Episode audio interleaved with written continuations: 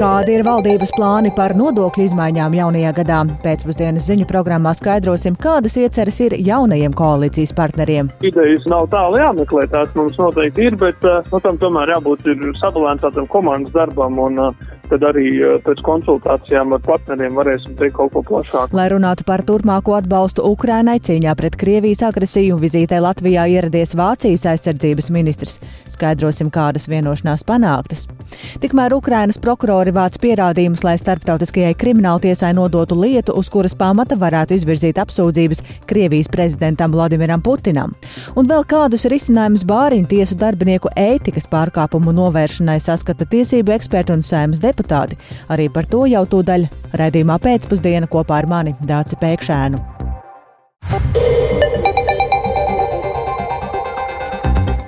Ir piecas minūtes pāri pulksteņa četriem, skan pēcpusdienas ziņu programma, skaidrojot šīs dienas būtiskos notikumus studijā Dāci Pēkšēna. Labdien! Un eh, raidījumu sākam ar to, ka būtiskas nodokļu izmaiņas nākamajā gadā nesot plānotas, jo to nepieļauj pašreizējā situācija ekonomikā, tā uzsver finanšu ministrs Arvils Ašerādens no jaunās vienotības. Valdība šonadēļ uzklausīs ziņojumu par nodokļu politikas pamatnostādņu izstrādi turpmākajiem trim gadiem, tostarp arī paredzot vienkāršot nodokļu iekasēšanu un par visu vairāk Jāņa Kīņš ierakstā. Nākamajā gadā Latvijā paredzēts ieviest obligāto uzņēmumu ienākumu nodokļu avansa maksājumu bankām un nebanku kreditētājiem 20% apjomā no iepriekšējā gada peļņas. Tas darīts atbilstoši pārējo Baltijas valstu piemēram. Tāpat Finanšu ministrija piedāvā celt akcijas nodokļa likmi, piemēram, tabakai un alkoholam, kā arī palielināt azartspēļu nodokli.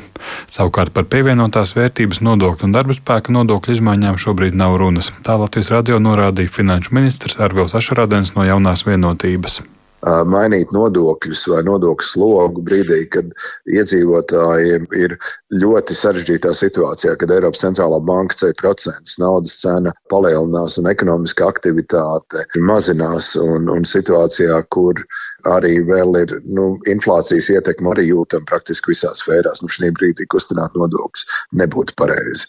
Tas noteikti nav nākamais gads. Uzņēmēji gan aicinājuši mazināt darba spēka nodokļus, taču tas būtu iespējams vien ceļot citus nodokļus. Lielākas izmaiņas apsvērs uz aiznākamo gadu. Šobrīd darbspēka nodokļu samazināšanas izmaksas valsts budžetam būtu 450 miljoni. Nu, īsti mēs tādu nevaram atļauties bez kompensējošiem pasākumiem. Bet es saprotu uzņēmējus, un mēs meklēsim risinājumu. Līdz šim vērtēts, ka līdz 2025. gadam vajadzētu pārskatīt uzņēmumu ienākumu nodokļa atliktā maksājuma sistēmu, tās dēļ ienākumu valsts kasē sarūkot.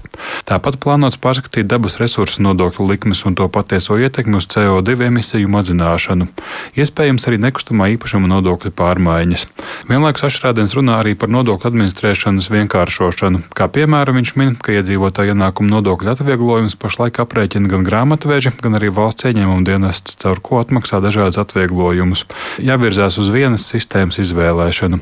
Šīs un citas pārmaiņas vērtēs valsts nodokļu politikas pamatnostāļu izstrādes darba grupa. Tajā pieaicināt arī jaunās koalīcijas pārstāvji.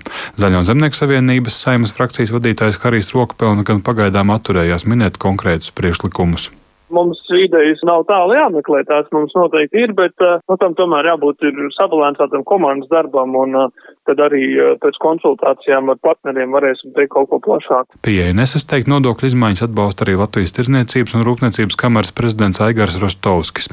Viņš līdzekļu ekonomijas nolūkos rosina publiskajā sektorā tērēt efektīvāk ja man jautāt, es, es arī nu, rekomendētu nu, tādu revolucionāru pārliecību, ka kaut kur uzkrāmēt nodokļus nebūtu labi, jo vēl vairāk Eiropā arī daudz ekonomiski krīt vai stagnē. Līdz ar to, ko mēs jūtam, arī signalizē virkne mūsu kolēģi biedri, ka eksporta apjomi krītās un tas, tas tirgus paliek smagāks. Tā kā nu, dabiski tagad vēl uzkrāmēt virsū nodokļu slogu, nu, tas nebūtu prāta darbs. Nodokļu politikas pamatnostādnes turpmākajiem trīs gadiem paredzēts sagatavot līdz šā gada beigām. Jānis Kincis, Latvijas Radio. Lai runātu par turpmāko atbalstu Ukrainai cīņā pret Krievijas agresiju, vizītē Latvijā ir ieradies Vācijas aizsardzības ministrs. Amatpersonu sarunām līdzi seko arī kolēģis Rustams Šukurovs, kurš pēc brīža būs pie manis studijā, lai pastāstītu par to vairāk, bet kamēr viņš vēl ir ceļā, tad eh, parunāsim par Ukrainu no citā aspekta. Cilvēktiesību juristi sadarbībā ar Ukrainas prokuroriem gatavo kara noziegumu lietu, ko iesniegt starptautiskajai krimināltiesai, apsūdzot Krieviju tīšā bada izraisīšanā izraisīšanā kara laikā pret Ukrainu, tā vēsta laikraksts The Guardian. Savukārt par šī brīža situāciju atskatoties uz aizvadīto nakti, tad um, Ukrainas dienvidostas pilsēta Odesa atkal ir piedzīvojusi Krievijas masveidu uzbrukumu ar droniem un raķetēm. Sprādzieni naktī dzirdēt arī anektētajā Krimā, kas pēdējā laikā kļuvusi par biežu uzbrukuma mērķi. Vairāk par to Riharda Plūmes ierakstā. Kā vēsta laikraksts The Guardian, Ukrainas prokurori šobrīd sadarbojas ar juristu biroju Global Rights Compliance ar mērķi dokumentēt gadījumus, kuros Krievijas iebrucēji badu izmantojuši kā kara ieroci. Proti tiek vākti pierādījumi, lai starptautiskajai krimināltiesai nodotu lietu, uz kuras pamata varētu izvirzīt apsūdzības Krievijas prezidentam Vladimiram Putinam.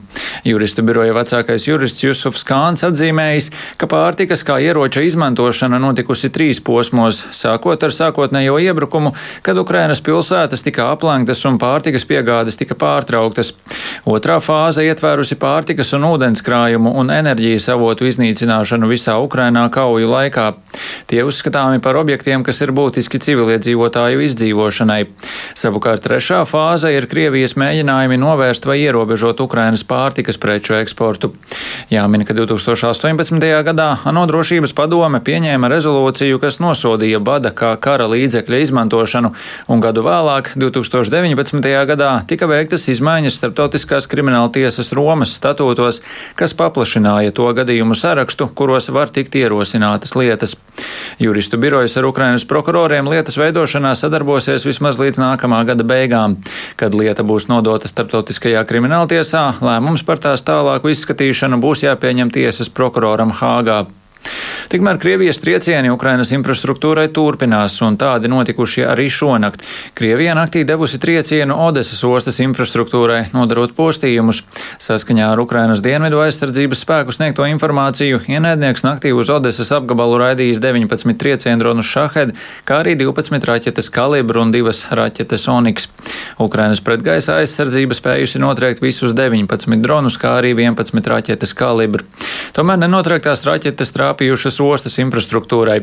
Būtiski postījumi nodarīti jūras pasažieru stacijai, savukārt tai līdzās esošajā viesnīcā, kas jau vairākus gadus netiek izmantota, izcēlēs ugunsgrēks. Raķetes Soniks iznīcinājušas labības noliktavas. Triecienos cietis arī Hersonas apgabals. Savukārt par kārtējiem sprādzieniem Krimas pussalā naktī vēstīja prokrieviskie avoti lietotnē Telegram. Vairākās vietās Krimā esot manīti droni. Pēdējā laikā Krimā gājis karsti. Vēl piekdien Melnās jūras flotes štābu Sevastopolē skāra raķešu uzbrukums, kurā tika nogalināti vismaz 9 cilvēki, bet ievainoti 16. Pirms tam uzbrukumam tika pakļauts Melnās jūras flotes rezervas komandpunkts, un vērienīgs uzbrukums iepriekš tika veikts arī Krievijas militārajam lidlaukam. Lūk, kas par triecieniem sakāms militārajām ekspedīcijām экспертом Евгением Дикием. Но все-таки, видимо, психологически русский генералитет до сих пор еще живет в представлении. Izskatās, ka psiholoģiski Krievi joprojām dzīvo pieņēmumā, ka frontē ir bīstami, bet, ja tu nedzīvo frontē, tad tu atrodies vietā, kur ienaidnieks tevi neaizsniegs. Bet redz, izskatās, ka tomēr aizsniegt var. Sagatavošanās triecieniem notiek diezgan ilgi, jo tas, kas pēc mediju ziņotā varbūt izskatās pēc atsevišķiem haotiskiem triecieniem, patiesībā novērojama labi izplānota plānota operācija, kas notiek vairākos etapos ar mērķi sagraut Krimas pussalas aizsardzību. Nedēļas nogalē ASV mediji vēstīja, ka ASV prezidents Joe Bidenis beidzot tomēr gatavojas nodot Ukrainai tālu darbības rādījus raķetes atakāms. Taču bijušais ASV spēku komandieris Eiropā, ģenerālis Bens Hodžes intervijā izteicies, ka Baltais nams varētu būt nolēmis nodot Ukrainai atakāms raķešu modifikāciju, kurai ir ierobežojumi. Un tādā gadījumā tas, viņa prāt, būs praktiski bezjēdzīgi, ja pieņem, ka šīs raķetes Ukraina vēlētos izmantot uzbrukumiem tāliem un lieliem mērķiem īslaicīgi okupētajā Krimā. Proti pēc viņa domām, lai uzbruktu dažiem mērķiem, raķetes būtu noderīgas, bet tās nav tik efektīvas lielu Krievijas objektu iznīcināšanai pussalā. Vienlaikus ģenerālis pauda pārliecību, ka Vašingtonas pozitīvais lēmums par atakams nodošanu Ukrainai varētu mudināt Vāciju spērt līdzīgus soļus, proti Vācija joprojām kavējas ar tā Taurus raķešu nodošanu.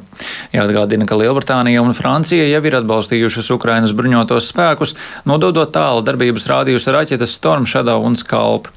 Rihards Plūme, Latvijas radio. Tik tālu tātad Rihards Plūme, bet šobrīd notiekošo Ukrainā mēs lūksim komentēt arī zemesardzes štāba pārstāvēja pulkveža leitnantei Anitai Pizelei, kura šobrīd pie telefona klausolis. Labdien! Labdien! Kā jūs raksturotu to pašreizējo situāciju, un vai mēs varam teikt tā, ka tas Ukrainas pretuzbrukums šobrīd ir uzņēmis tempus un ir tomēr ātrāks nekā vasaras vidū, un vai nu, Krievu aizsardzības līnijas ir tik daudz pārrau, pārrautas, lai uzbrukums varētu noritēt raiti? Nu, tātad par um, situāciju frontē. Divos sektoros uh, mēs zinām, notiek uzbrukuma darbības Bahmutas un Zaporīžijas sektors. Bahmutas uh, varētu būt uzskatīts uh, par sektoru, kurā ir taktiskie mērķi pie, pieturēt tur uh, Krievijas uh, bruņotos spēkus, lai tie nepārvietotos ne uz dienvidiem, ne uz kādu citu frontes posmu. Kas attiecas uz Zaporīžijas sektoru, kur notiek galvenais pārraums, ir strateģiskais mērķis Tokmakā un Melitopolu. Ja? Tad uh, šajā posmā uh, ir zināms, ka Ukraiņu bruņoties spēki pie Verbovas ciema ir pārāvuši apmēram 6 km platumā šo otro Suroviķina aizsardzības līniju. Ir uh, video liecības, ka šajā posmā Ukraiņu bruņoties spēki vairs neizsod uzbrukumus ar kājām, ar kājniekiem, bet jau tiek iesaistītas bruņu mašīnas. Nu, šis fakts varētu būt tas, kas uh, liecinātu par to, ka uzbrukums varētu notikt ātrāk. Tas nozīmē, ka arī turpmāk jā, šis temps varētu būt pietiekami raids. Jā, jā, tieši tā, jo, m, mm, tomēr uzbrukšana bruņu mašīnās un aizsardzība personāla ir lielāka un arī ātrums, ar kādu pārvietojas. Tur. Bet ir jāatcerās, ka šajā posmā ir koncentrēts ļoti liels pretinieka karaspēks. Līdz ar to šie uzbrukumi būs ļoti labi jāpiesaka ar artērijas uguni, jo pirmie mēģinājumi ir bijuši gana neveiksmīgi, bet uh, Ukraiņu karaspēks mācās un turpina uzbrukuma operācijas. Ja mēs runājam par pretgaisa aizsardzības sistēmu Krimā, vai tāda šobrīd eh, ir? Uh, nu, jāsaka tā, ka pirms izdarīt uzbrukumu uz Krimas pussalē, Ukrāņu karaspēks uh, var teikt padarīja gandrīz neredzamu un gandrīz, gandrīz aklu un gandrīz kurlu šo uh, Krimas pussalu, iznīcinot dažas uh, pretgaisa aizsardzības sistēmas, tas 400 un arī ļoti spēcīgu novērošanas radaru. Un šobrīd, uh, lai veiktu šīs uh, apvienotās operācijas, ja uzbrukumus Krimas pussalē, faktiski šie um, novērošanas sistēma un pretgaisa aizsardzības sistēma tiek um, uh, pārslogota ar neskaitāmiem mērķiem. Sacīt, tā, katra sistēma var izsekot 30 mērķus. Jā. Ja palaiž uh, vairāk kā 30, šā, šī sistēma nespēja viņus notriekt. Tad tā sistēma tiek pārslogota un palaista šīs. Um, spārnotās raķetes pa mērķiem. Un, ja mēs manām, tad pēdējā laikā šie uzbrukumi notiek dienas laikā pa šo militāro infrastruktūru un tieši tad, kad tur ir vairāk personāla. Vai mēs šajā kontekstā vispār varam kaut ko vairāk par Maskavas pretgaisa aizsardzības sistēmu runāt? Jā, nu, pagaidām nav informācijas presē, ne, ne Latvijas, ne Krievijas, ne, ne arī starptautiskajā, ka kāda no pretgaisa aizsardzības sistēmām no pārējās Krievijas teritorijas tiktu pārsūtīta teiksim, uz Krimu. Mēs jau tagad redzam, ka Maskavā, Sanktpēterburgā, uh, Kurskā uh, notiek uh, te, uh, infrastruktūras uh, uzspridzināšana, te lidlauka bojāšana, te kaut kāda naftas bāze deg. Nu, faktiski visa Krievijas teritorija tiek apdraudēta. Tas ir ļoti mērķiecīgs darbs, lai, lai šīs sistēmas paliktu tur, kur viņas ir uh, Krievijā un nepapildinātos šīs jaunā, ar jaunākām, ja citām sistēmām uh, Ukraina šī uh, Krimas pussala bet eh, nešķiet, ka pagaidām tuvākā laikā tur varētu uzlaboties pretgaisa aizsardzības sistēma Krimā. Jā, par um, aizvadītās nedēļas eh, notikušo triecienu pa Melnās jūras kara flotu štābu runājot, eh, kurā esot nogalināti 34 virsnieki, ieskaitot kara flotes komandieri. Mm, tā tagad no malas pavērtējot, cik liela sagatavošanās tam bija nepieciešama un cik pamatīgs trieciens tas ir Krievijai? Nu, pirmkārt, ļoti svarīgi, ka šādas operācijas nevarētu iztikt bez uh, tiem partizāniem, bez, uh, bez tiem uh, ukraiņu iedzīvotājiem, kas palikuši Ukrainas šajā Krimas pussalā un kas palīdz uh, šo informāciju vākt. Protams, ka bez, bez izlūka informācijas, bez šo cilvēku atešu, pieņemsim, izlūkošanas, jeb partizāņu vienību Krimā ir. Bez, šī, bez šo cilvēku atbalsta noteikti šāds, šāds uzbrukums nebūtu iespējams. Jau tieši tā, jo mēs redzam, ka šie uzbrukumi notiek dienas laikā. Visvairāk personāla tur ir uh, savācis dienas laikā uz sapulcēm. Mēs jau zinām, ka iepriekšēji uzbrukumi notika pa rezerves štābu, kurš ir iznīcināts. Faktiski šāda situācija piespieda šos cilvēkus, šos uh, okupantus uh, savākties um, šajā vienīgajā Melnās jūras flotes štābā, kas ir atlicis. Un faktiski tajā rezultātā, tajā dienā notika um, uzbrukums šim štābam. Ļoti veiksmīgi, es domāju, ļoti labi izplānota operācija. Jā, par um, šodien parādījušām ziņām, ka ir pienākuši Ukrainai Abrams tanki. Pēc cik ilga laika tie varētu nonākt arī frontē un, kā jūs teiktu, kādiem uzdevumiem tie ir paredzēti? Pirmkārt, jā, tanki parādījās Ukrainā pagājušajā sestdienā, un ir informācija, ka šie tanki tiks um, nosūtīti uz Zaporīžas tieši sektoru. Ļoti labi. Tas, tas kā reiz iet kopā ar to informāciju par to, ka ir pārauta šīs otrā aizsardzības līnijas un, vikina, un tajā posmā varēs šos tankus iesaistīt. Nu, cik ātri viņi tur nonāks, tas ir atkarīgs no Ukraiņiem. Es domāju, ka šajā nedēļas laikā tiem tur jānotiek tiem tur jānokļūst. Un uh, par atakām spānotajām raķetēm no ASV, kad uh, tās varētu piegādāt? Nu, pagaidām informācijas precīzas nav, bet uh, tiek rakstīts, ka tuvākajā laikā ir gan, uh, gan dažāda informācija par, tā, um, par to modifikāciju, kādas uh, tiks piegādātas, jo ir dažāda tipa. Uh, šīs raķetes ir 300, 300 km darbības rādījus un 140 km darbības rādījus. Pagaidām izskanēja informācija, ka um, tiks piegādātas tās, kuras ir bruņotas ar kasešu uh, munīciju, nevis ar tādu viena, viena trieciena lādiņu. Protams, ir informācija, ka šādas raķetes būs grūti izmantot, pieņemsim, Krimas tiltu uzspridzināšanai, bet viņas jebkurā gadījumā varēs izmantot priekš objektiem un, un, un dzīvās spēku iznīcināšanai. Nu, to mēs redzēsim. Pagaidām mēs varam tikai spekulēt par šo jautājumu. Kad tuvāk nāks informācija precīzāka, tad, tad arī sapratīsim, ko ar viņām darīt frontē. Jā, paldies par šo skaidrojumu. Teikšu zemesardze štāba pārstāvēja pulkveža Leitlantei Anitai Pizelei. Bet vai Latvijā ir iespējams panākt vienotu kārtību bāriņtiesas darbinieku ētikas pārkāpumu risināšanai un kādēļ no jauna ir jāskata atkrituma apsaimniekotāja pie jūra 4 miljonu lieta? Tie būs daži no tematiem raidījuma pēcpusdiena turpinājumā.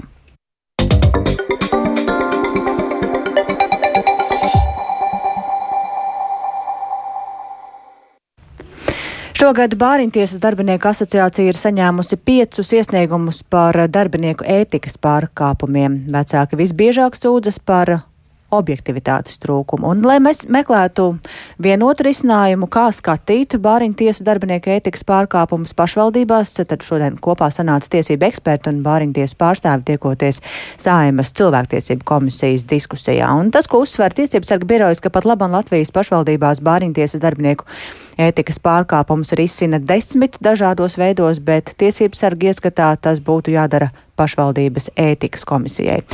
Diskusijai līdz sekoja arī kolēģis Intijā Bote, kura šobrīd pievienojusies studijā. Sveika, Intijā, un saki, kas ir tieši tas, ko tiesības sargs um, kādus, kādas nepilnības saskata bāriņu tiesu darbā, tieši, ja mēs runājam par ētikas pārkāpumiem.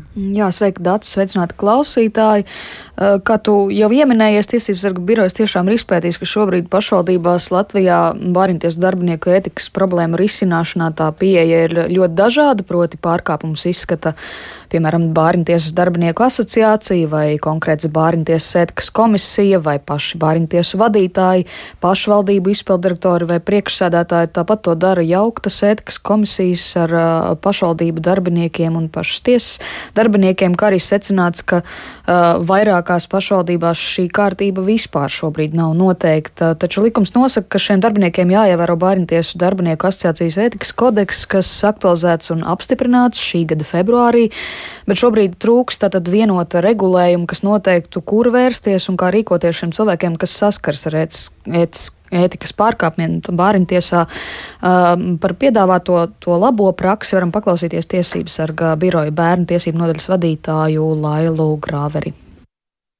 Tiesības sarga redzējums, ka vēlamā izskatīšanas kārtība būtu tāda, ka gan bāriņtiesas priekšsēdētāja, gan darbinieku ētikas pārkāpumus izskata pašvaldības ētikas komisija. Tas ir mūsu redzējums, lai gan es mazliet pateikšu, tomēr no prakses tie gadījumi, kas ir nonākuši līdz izskatīšanai un kas ir skatīti vai pašvaldības ētikas komisijā vai bāriņtiesas ētikas komisijā, diemžēl ir tikuši izskatīti vienlīdz, eh, nu, es teiktu, neobjektīvi. Bet, ja šis vienotais mehānisms būtu noteikts, protams, varētu veicināt, lai tas būtu efektīvs.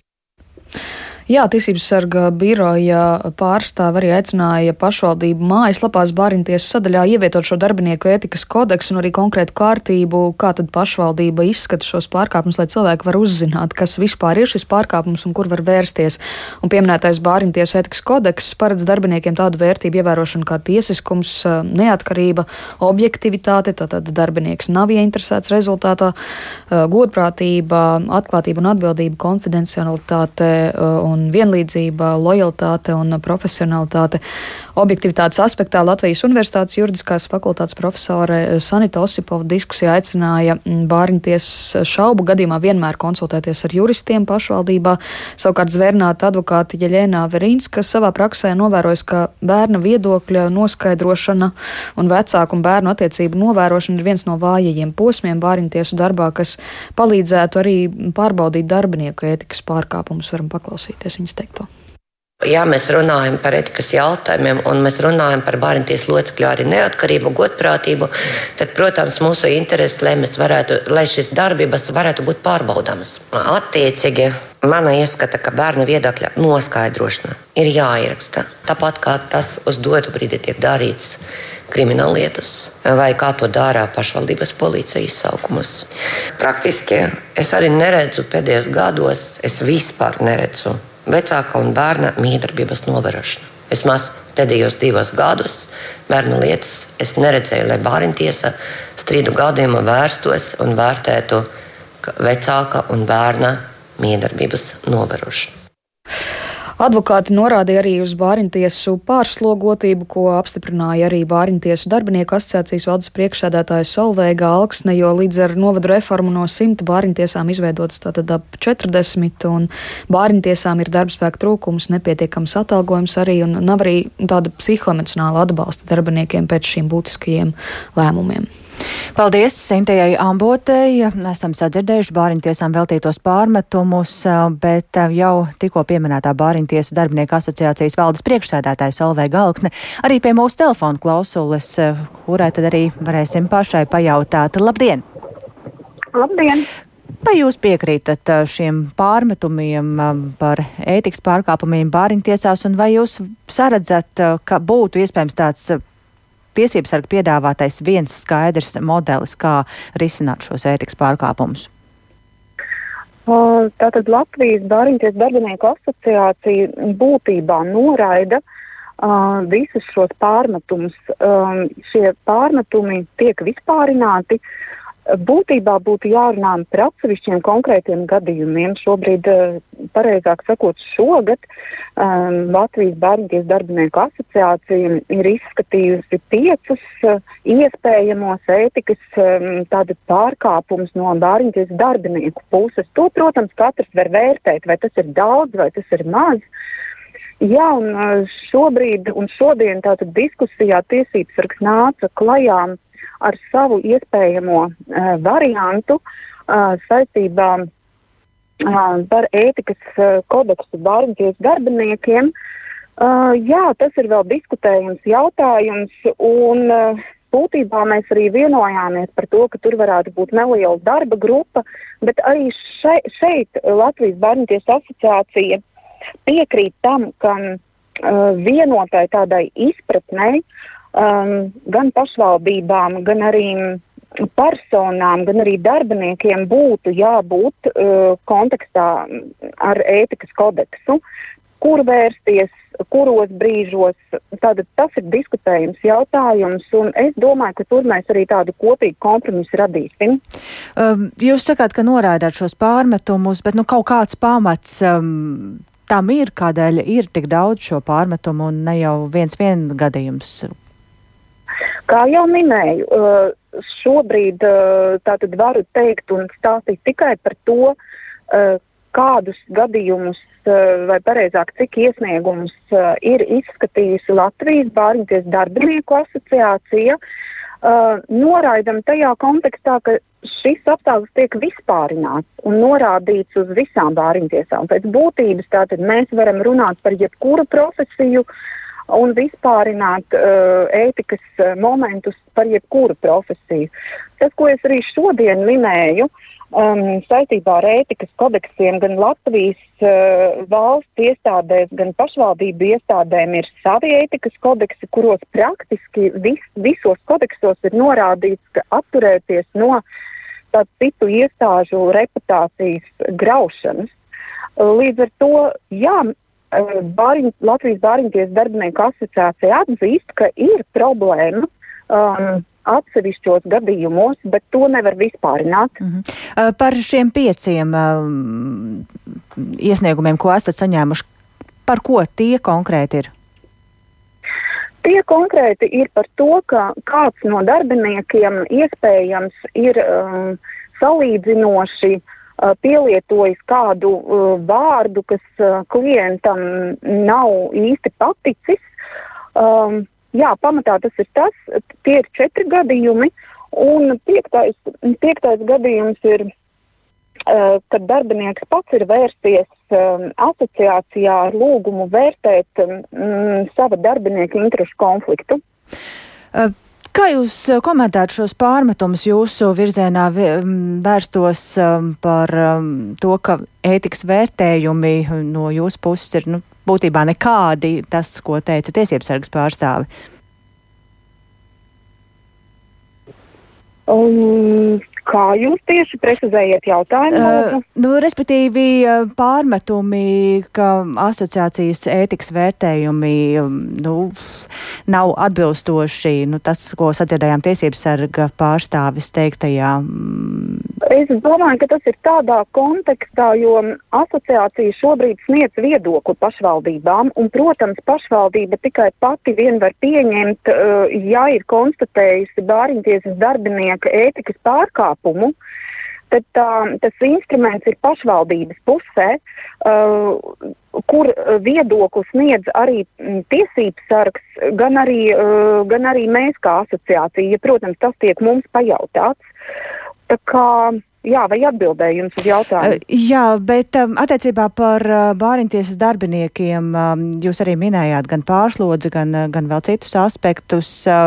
Vai apmācot bāriņtiesas darbiniekus, tiek runāts arī par šiem ētikas jautājumiem? Nu, kaut kādā mācību programmā tas uh, šiem darbiniekiem tiek iekļauts?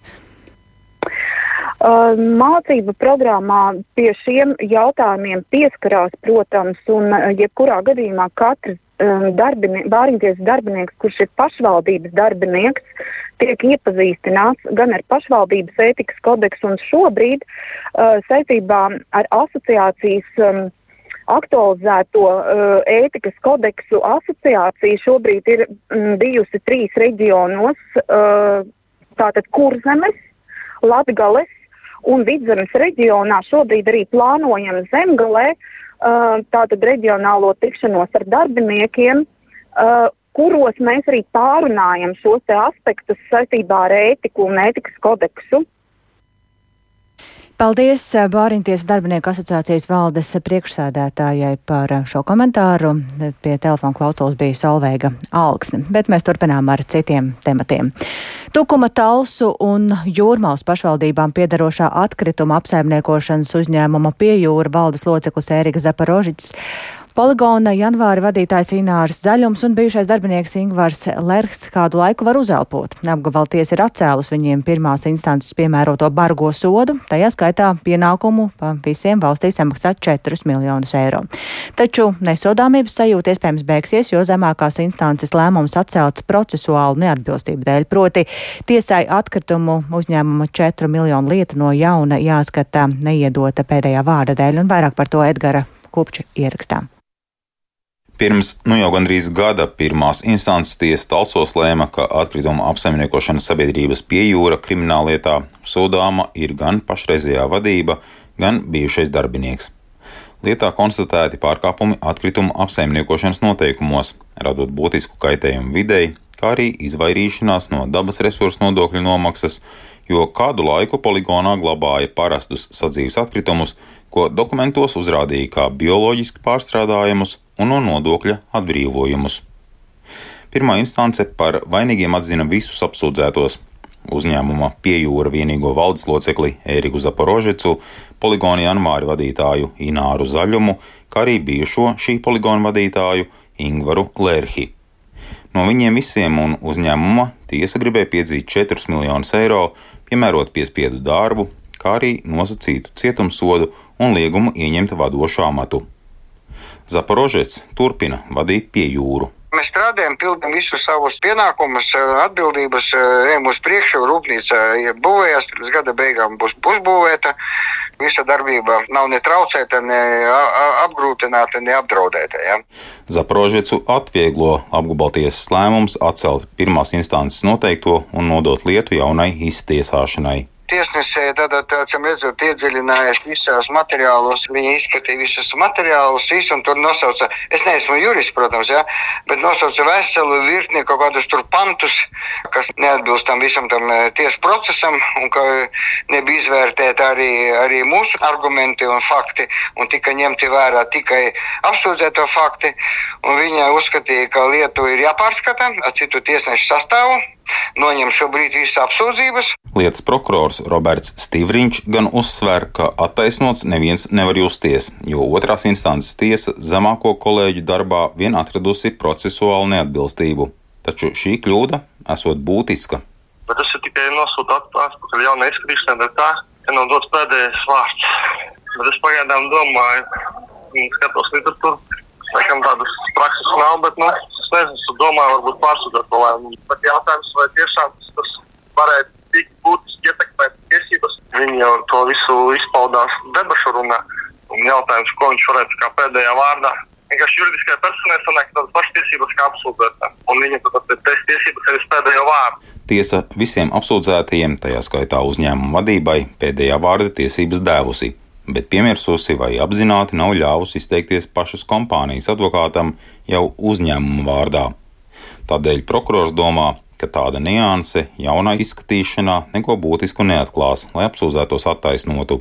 Apsūdzēto pusē nostājušies arī lielākie akcionāri - Tukuma un Talsu pašvaldības, kas uzskata, ka vides dienesta, ekonomisko noziegumu apkarošanas pārvaldes un prokuratūras konstatētie pārkāpumi nav pieļauti. Edgars Kupčs Latvijas radio. Un eh, tagad gan ir laiks pievērsties sportam, jo vasaras otro daļu mēs pavadījām sekojot līdzi Latvijas vīriešu basketbola izlases veikumam, bet līdz ar rudens atnākšanu tad eh, varam arī atsākt eh, sekot klubu basketbolam. Un šonadēļ ar pirmajām spēlēm sāksies Latvijas-Igaunijas basketbola līgas jaunā sezona. Kaimiņi Igauni pirmās spēles jau ir nospēlējuši, bet šonadēļ sāk arī mūsu klubi. Par apvienotās līgas aktualitātēm vairāk ir gatavs stāstīt kolēģis Māris Bergs, kurš ir līdzās studijā. Sveiks, Māri, un saka, jā, kāpēc tad Igauni ir sākuši agrāk nekā mēs? Sveika, Dārts, sveicināti klausītāji. Izskaidrojums tam ir pavisam vienkāršs, proti pasaules kausa basketbolā, kurā Latvija tātad piedalījās, bet Igaunija tur nestartēja. Vairāk Latvijas klubu galvenie treneri bija arī izlases štābā, tāpēc treneri arī izteica šādu lūgumu dot nedaudz vairāk laika sagatavoties un sezonu sākt vēlāk, nu un tad basketbola savienība iespēja robežās šo te arī ir centusies realizēt. Vai ir gaidāmi kādi jaunumi, izmaiņas?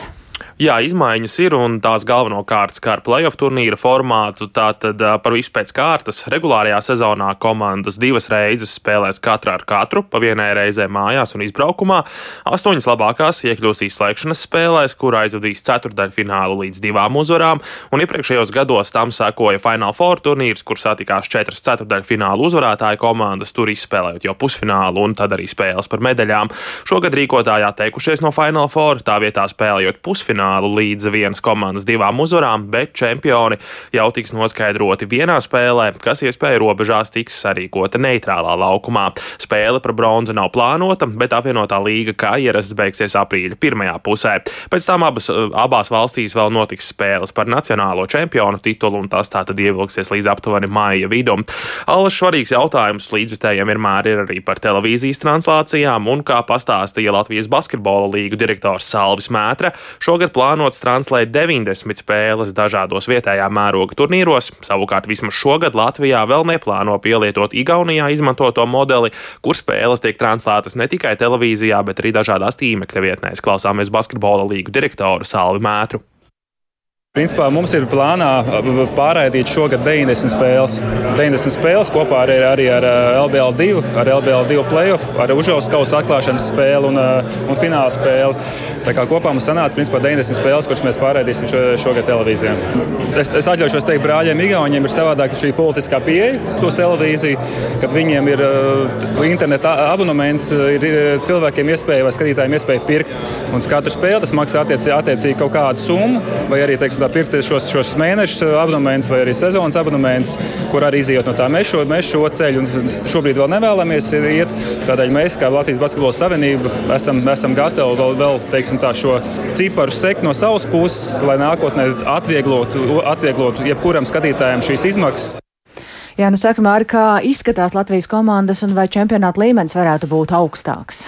To mēs redzēsim, kad sāksies spēles, to visu rādīs laiks. Taču noteikti varam apgalvot, ka būs citādi, jo vairākās komandās notikušas lielas sastāva izmaiņas, izjaukti iepriekšējos gados saspēlētie kodoli. Tas nozīmē, ka klubiem varbūt nedaudz pamainīsies rokraksti, būs nedaudz citas stiprās puses, citas vājās puses, būs citādi. Klausāmies, ko par šo visu domā Vēfrīga galvenais treneris Jānis Gailītis. Tas jau tāds ierasts process, kad, kad komandas mainās. Tie, kas labi spēlē, viņi aiziet kaut kur citur. Īpaši pa liepāju tas ir nu, novērots. Man tā kā nav īpaši, nu, es tā kā baigi neesmu tik ļoti sekojis, kāds ir tās, cik tie pastiprinājumi ir labi vai slikti. Es, es zinu, ka cilvēki strādā diezgan labi tur visās tajās organizācijās nosauktajās, un agrāk vēl viņi izveidos konkurētspējīgus sastāvus. Jā, nu par favorītiem, kuras komandas ir favorīti? Galvenie visu čempionātu favorīti, protams, ir Ukrāņu klubs Prometei, kas arī šogad turpinās bāzēties Latvijā, jo turpinās Krievu izraisītais karš Ukrainā. Taču skaidrs, ka šai komandai, protams, ir pilnīgi cita finansiālā rocība un arī citi mērķi, kas sniedz krietni tālāk par Latvijas-Igaunijas līgu. Viņu mērķi, protams, ir uzvarēt Eirokausos. Uh, Prometējs pārliecinoši triumfēja pērn, un Kālaši stipri būs Igaunijas vadošie klubi, tīpaši Tallinas Kalēv Kramo. Latvijā favorīti būs VF Rīga, VF sastāvā sastāvā vairākas pazīstamas vērtības atgriezušās Aleksandrs Matsens, Aizēja Piņēro, arī Dairis Bērtāns, kurā atlapšana norit pēc plāna. Viņš jau pavisam drīz varētu iesaistīties spēlēs, un tālāk prognozēt jau ir grūti. Lielas pārmaiņas notikušas Ogrē, Vēnspilī, Liepājā. Tāpat eh, Valmiera noteikti vēlas rehabilitēties pēc tiešām briesmīgas pagājušās sezonas. Pievienojusies jauna komanda Rīgas Zēļi, septītā Latvijas komanda, arī viņiem ir savas ambīcijas, un arī Latvijas universitāte, neskatoties uz dažne dažādām pārmaiņām, arī viņi gadu no gada spēja piedāvāt konkurētspējīgas komandas. Paldies Mārim Bergam par komentāru basketbola jomā. Tātad ir sākusies Latvijas-Igaunijas basketbola līgas jaunā sezona. Un vēl tāds kā atgādinājums, ka turpinās vērienīgākās militārās mācības namēs. Un šonadēļ aktīvā fāze ir paredzēta arī Kurzemes reģionā, kā arī Rīgā un tās apkārtnē. Un par to vairāk šodien redzījumā pusdienā es vaicāju zemesardzes komandierim Pulkvedim Kasparam Pūdānam. Varam paklausīties, um, ko viņš sacīja, ar ko ir jārēķinās un vai tas nozīmē, ka varētu būt eh, kādi sastrēgumi, piemēram, Rīgas ielās? Nav uzsvars šobrīd tik daudz uz lielajiem satiksmes eh, mezgliem šos vingrinājumus taisīt. Īslaicīgi varbūt traucējumi vai kavējumi satiksmē var notikt, bet katrā vietā tas tiks, protams, koordinēts ar valsts policija, pašvaldības policija, kas vienmēr mūs jau ilgstoši ir atbalstījuši šo mācību norisē. Un to, ko es gribu uzsvērt, ka šogad pat vairāk ir šie partneri ir mūsu ne tikai kā atbalstītāji, bet patiesībā arī kā dalībnieki. Jo tas ir arī šī gada mācību namējas galvenais mērķis ir ne tik daudz vingrināt mūsu pašu kaujas spējas, ko mēs vienmēr darām, bet tiešām vingrināt savu sadarbību ar gan iekšlietu ministrijas iestādēm, gan pašvaldību un, un to pakļautajām struktūru vienībām. Sociālajos tīklos varēja vērot tādu neapmierinātību dažkārt no latgales iedzīvotājiem, piemēram, vai jūs sagaidāt, ka kaut kas tāds varētu sagaidīt arī Rīgā un vispār cik karavīri ir gatavi reaģēt uz kaut kādu cilvēku neapmierinātību un dažādām reakcijām? Man liekas, mums ir diezgan labas atziņas un mācības no daudziem iepriekšējiem gadiem, kur mēs jau patstāvīgi tagad darbojamies mums uh, paredzētajos apstākļos, kādi tie varētu būt krīzē, tātad ejot ārpus arī poligoniem. Pierodam pie tā, ka tā attieksme pret mums, pret karavīriem, zemesargiem ir dažāda. Ir, protams, arī daudz pozitīvu, bet vienmēr būs un ir arī kādi, kas ir neapmierināti ar to, ka mēs esam klāt. Bet rīcība ir mums zināma, un arī šeit pieskāršos to, ka arī liels atbalsts ir no policijas puses, kur tiešām steidzam nāk klāt un noskaidro apstākļus. Un, ja tas pārsniedz kādas pieņemtās normas, kā varētu rīkoties pret mums, pret karavīriem, tad uh, vienmēr ir attiecīga rīcība. Mēs esam redzējuši arī iesāktas administratīvas lietas šajā gadījumā. Katrā ziņā karavīri mēs to pieņemam kā faktu, bet mm. esam gatavi rīcībai. Un ar zemesardzes komandiera pulkveža Kaspar Pudānu teikto par mācībām namēs arī izskan raidījums pēcpusdiena, ko producēja Lauris Zvēnieks, ierakstus montēja Kaspars Groskops, par labskaņu rūpējās īvēta Zvēniece, un ar jums sarunājās Dāca Pēkšēna. Mēs ēterā tiekamies atkal rīt. Yeah.